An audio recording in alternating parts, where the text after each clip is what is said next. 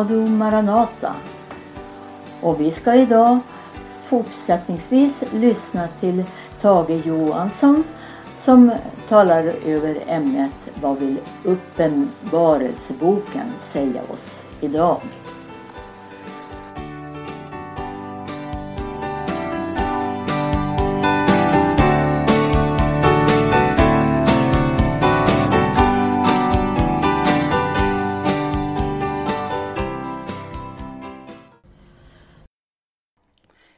Ja, då är vi här i studion i Skagersvik.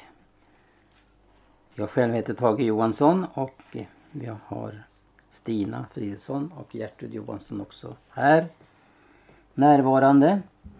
Och eh, vi har ju i tidigare program börjat med Uppenbarelseboken. Och jag vill upprepa det som jag sa då att eh, det handlar inte i första hand om en eh, djuplodad eh, teologisk eh, eh, grävning i den här boken. Men eh, utan det handlar ju om vad, vad har Gud tänkt med Uppenbarelseboken? Varför blev den skriven?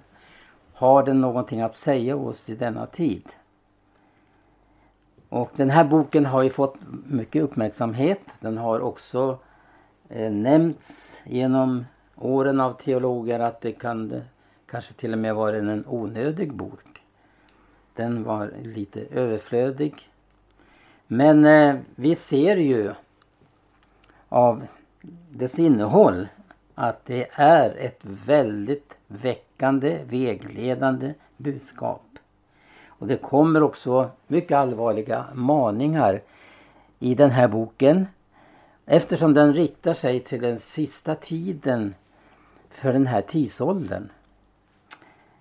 Vi vet, och det är helt uppenbart, att vi går nu emot en tidsålders avslutning. Då det mesta som står i Uppenbarelseboken handlar just om den sista tiden. Innan Jesus kommer tillbaka i den andra etappen för att upprätta sitt rike. Det är inte ju Guds rike som är rådande här i världen. Men en dag ska Jesus komma och ta över. Och eh, han har ju makt till detta. Han har fått makt av Fadern. Och han ska upprätta Guds rike. Och det blir ett rike som Bibeln kallar för eh, det, det sabbatsår som vi finner i olika bibeltexter. Tusenårsriket. Ja, vi ska först och främst här nu verkligen begrunda eh, vad Uppenbarelseboken säger om den här tiden vi lever i. Och eh, det handlar ju väldigt mycket om eh, eh, just den tid vi är framme i nu. Och vi upplever också att Jesus hade mycket att säga om den här tiden vi lever i. Det han säger väldigt mycket. Och det är mm, naturligtvis av viktig art att vi får vara orienterade i den här tiden. Den här förvirrelsens tid skulle man kunna kalla den för. Eh, det handlar om eh, mycket snärjande förkunnelse i vår tid. Och det handlar ju också om vad Jesus säger att det kommer då falska profeter som kommer att vilseleda många människor. Men om vi först börjar med att se i Uppenbarelsebokens eh, första kapitel. Och det är mycket intressant uttryck där. Om vi slår upp här nu Uppenbarelseboken, det första kapitlet. Och jag tror att vi läste det här förra onsdagen program. Eh, där står det ju tredje versen, salig. Tredje, alltså tredje versen i första kapitlet. Salig är den som får uppläsa denna profetias bok. Och salig är det som får höra dem och som taga vara därpå. Vad där jag skrivit till tiden är nära. Och så kan vi läsa ifrån i samma kapitel då, vers 19. Där eh, Johannes uppmanas att skriva upp det han får se. Han får ju där på Patmos eh, vara med om eh, mycket märkliga uppenbarelser, syner som eh, förmedlas till honom och som han i sin tur ska för, förmedla vidare. Och när de, det står ju så här då, så skriv nu upp vad du har sett. Och det var inte lite det Johannes fick skåda in i. Och han uppmanas då alltså att skriva upp det för att andra skulle få del utav det här. Skriv nu upp vad du har sett och skriv upp både vad som nu är hur situationen var vid det här tillfället när Johannes är på Patmos. Då får han uppenbarelser om sju församlingarna. Och därför står det om det som nu är. Och vad som härefter skall ske. Det är ju en avslutningstid som vi lever i. Och eh, vi kan också Eh, med stort intresse och eh, eh, gripenhet läsa om vad Jesus säger om den här tiden. Men vi ska titta lite först här i Uppenbarelseboken och liksom stanna vid det här att då han får uppmana att skriva eh, vad som nu är.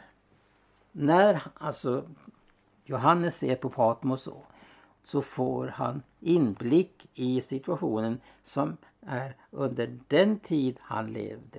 Hur situationen var precis då när han är på Patmos.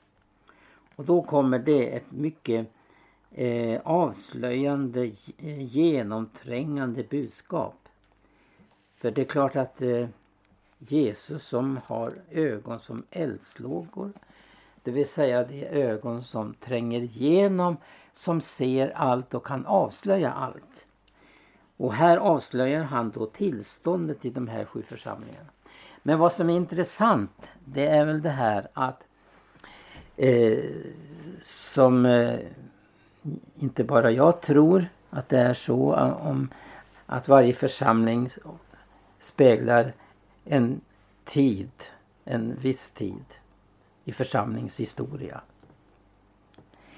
Det är också teologer som är, eh, har eh, sagt det. Och att de här församlingarna de kommer då att, åt, att återspegla tiden för församlingarna. Alltså efter det att Johannes har sett de här så får han blicka in i tillståndet under de olika epokerna för församlingen. Varje församling representerar en tid i, förs alltså i församlingens historia. Och det som är oerhört skakande är väl då att den sista församlingen som får ett sändebrev så är det ju Laodicea. Och eh, de representerar då alltså den ljumma kristendomen. Det är ljumheten som råder.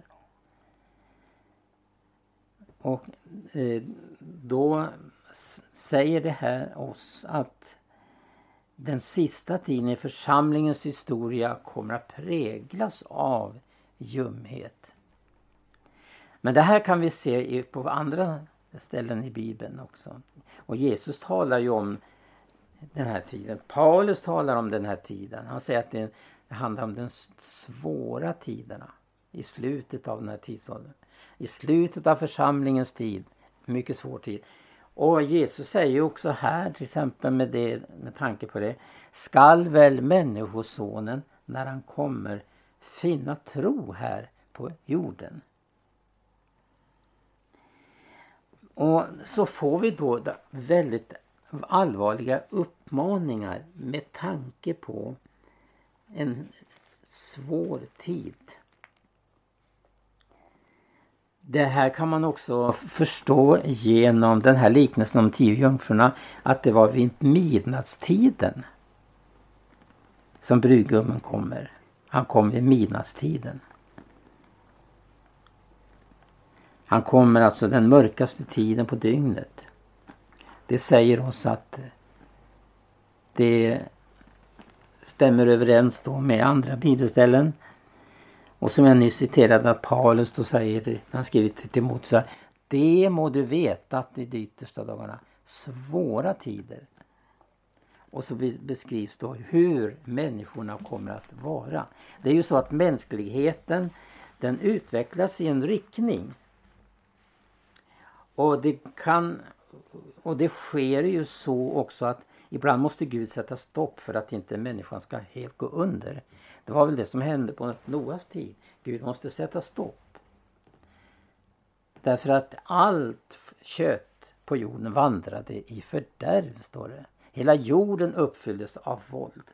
Men tänk att nu säger då också Jesus att så här som det var på Noas tid ska det vara vid Människosonens dagar.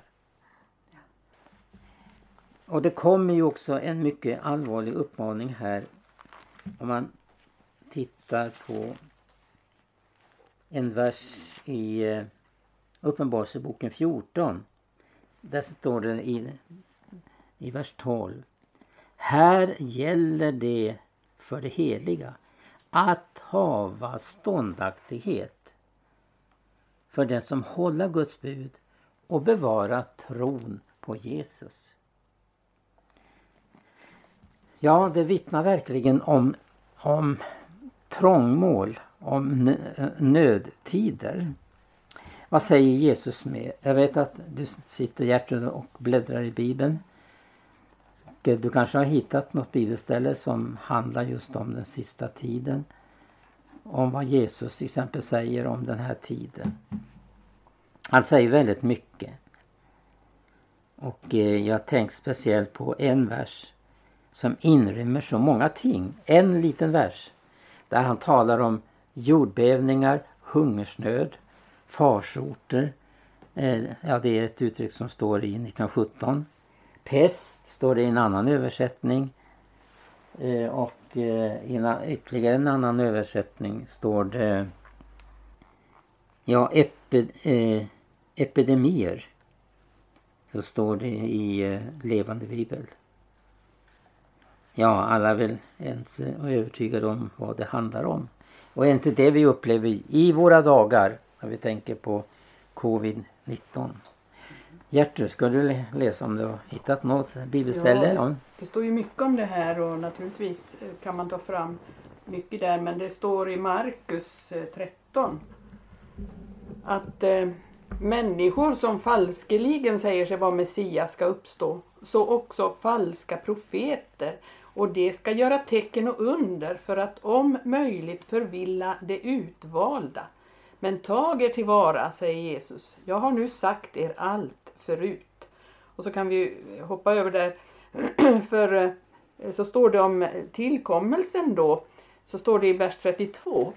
Men om den dagen och den stunden vet ingen något, icke änglarna i himmelen, icke ens sonen, ingen utom fadern. Tag er tillvara, Vaka, ty ni vet inte när tiden är inne. Så som när en man reser utrikes och lämnar sitt hus och giver sina tjänare makt och myndighet däröver åt var och en hans särskilda syssla och därvid också bjuder portvaktaren att vaka. Likaså bjuder jag er, vaka, ty ni vet inte när husets herre kommer, om han kommer på aftonen eller vid midnattstiden eller i hanegället eller på morgonen vaken så att han inte finner er sovande när han oförtänkt kommer. Men vad jag säger till er, det säger jag till alla. Vaken! Och det är ju så att vår tid också eh, är så, det är så en sömnaktighet som eh, vi så lätt kan drabbas av.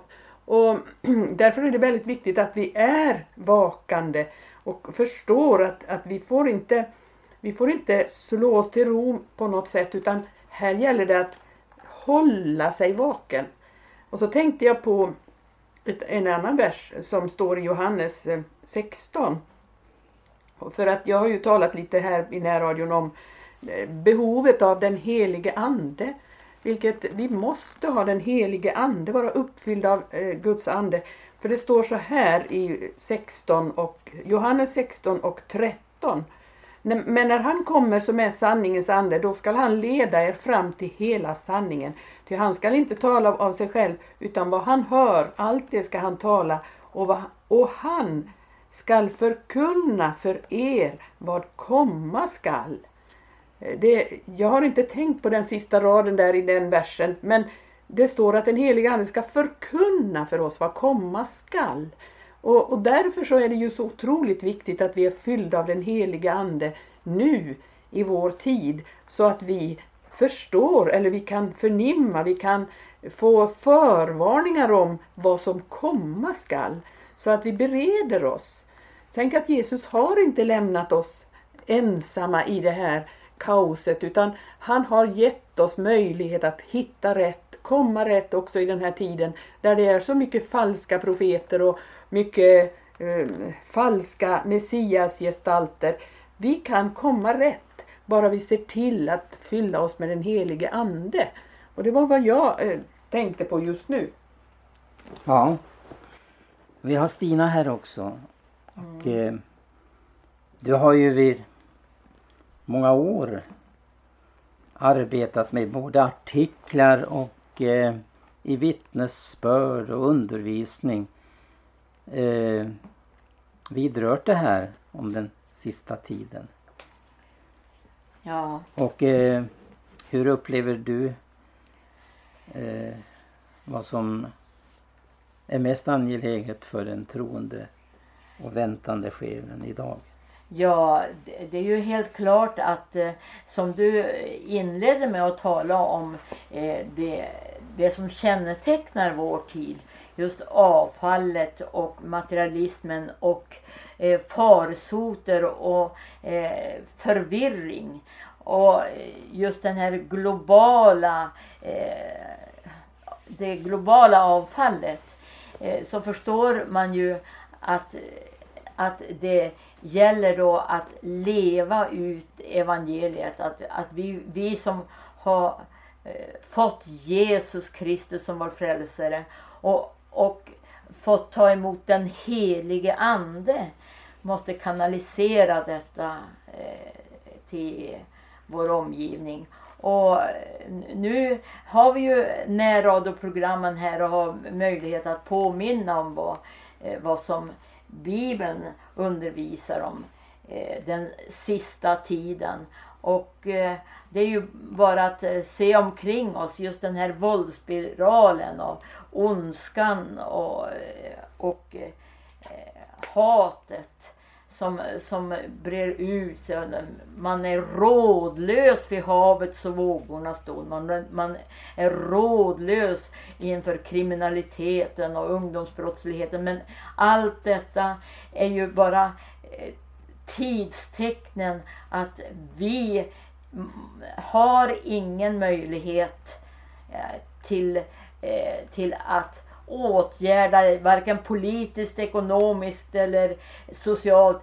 Vi måste vända oss till Jesus Kristus och ta emot honom som den rättfärdighetens konung han är som ska komma tillbaka. Det är vårt hopp. Vi får trösta varandra med dessa ord och vi får peka på Guds lam som borttar världens synd. Ja. ja det, vi förstår då att eh, det är naturligtvis eh, en mycket, mycket svår situation för de som inte har det här hoppet. Ja. Och eh, det talar ju Jesus om. Hur människorna ska till och med uppge andan av förskräckelse som det står i 1917. Och uppge andan av förskräckelse för det som ska övergå världen. Hur man ska få uppleva dessa jordbävningar. Skräcksyner på himmelen. Och eh, det här som också du nämnde Stina. Det människor står rådlösa vid hav och, havets och vågornas dån. Ja. Eh, jag för en bibelläsare känner ju till det här. Att ofta så, speciellt Uppenbarelseboken, när det talas om hav så, så menas det ju människohavet. människohavet. Upprört. Ja. Man står rådlösa, man vet inte. Och människor uppger andan ja. av förskräckelse. Men det som är mycket märkligt idag också. Att ju mer och mer uppgiven man blir man ropar efter en frälsare. Ja, just det. För världen väntar på sin frälsare. Liksom judarna väntar på sin frälsare och Messias.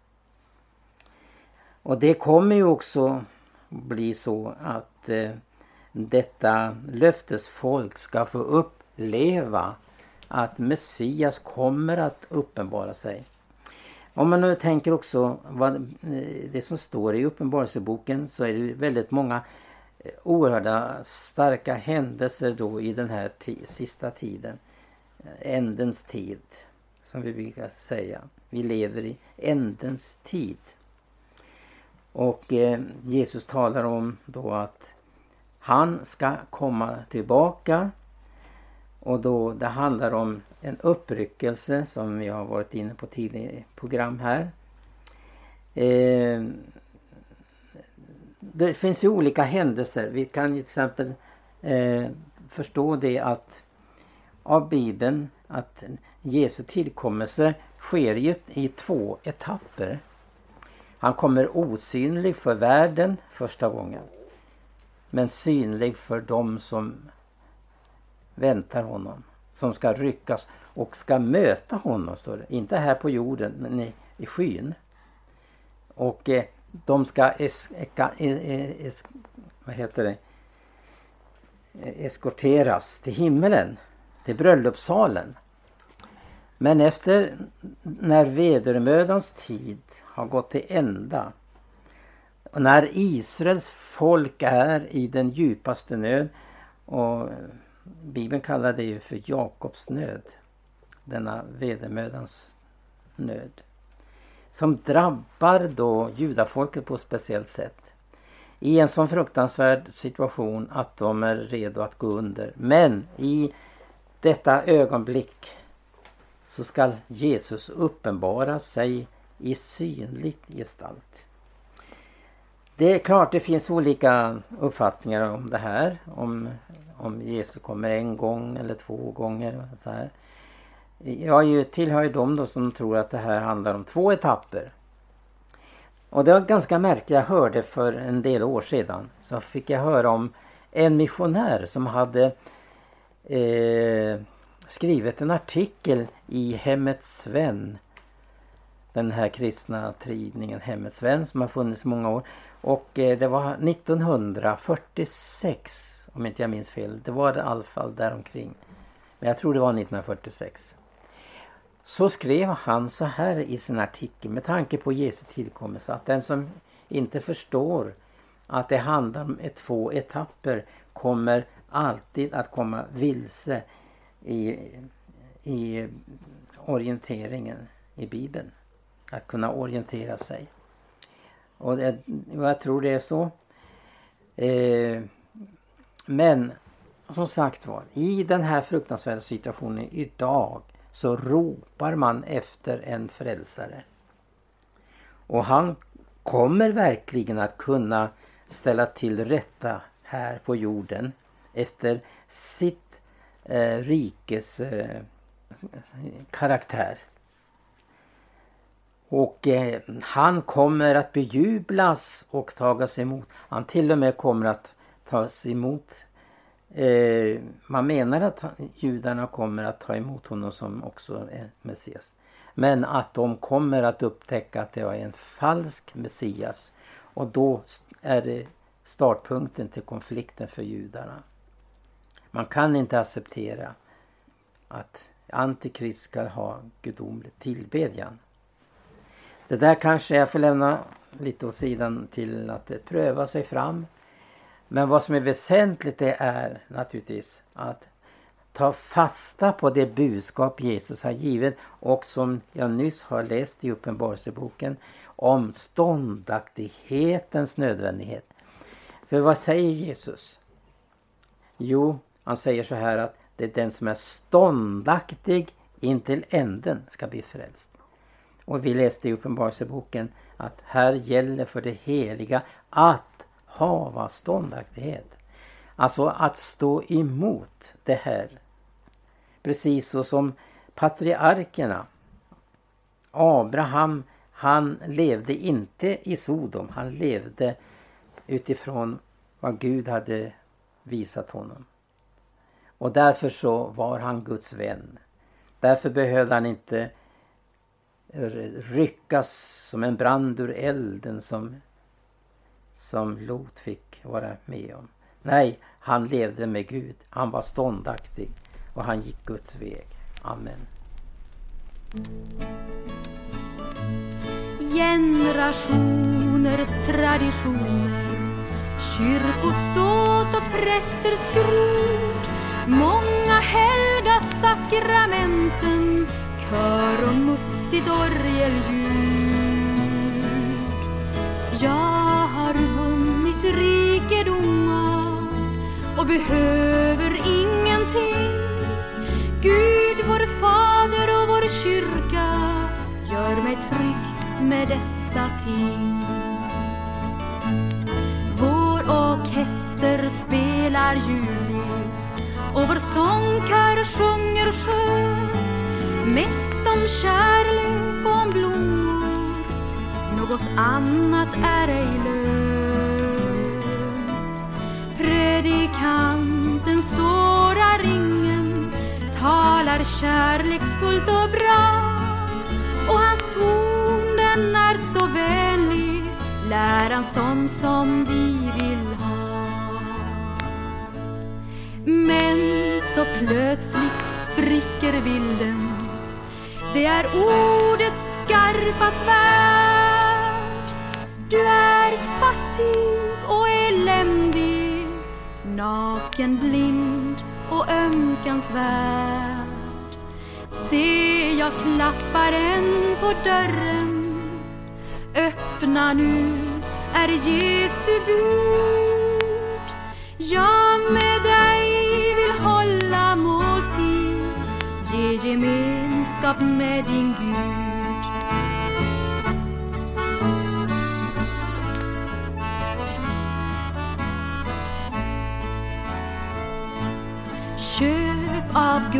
Guldet som är luktra Ögonsalva och vit skrud Smorda ögon ren i blodet På nytt född av himlens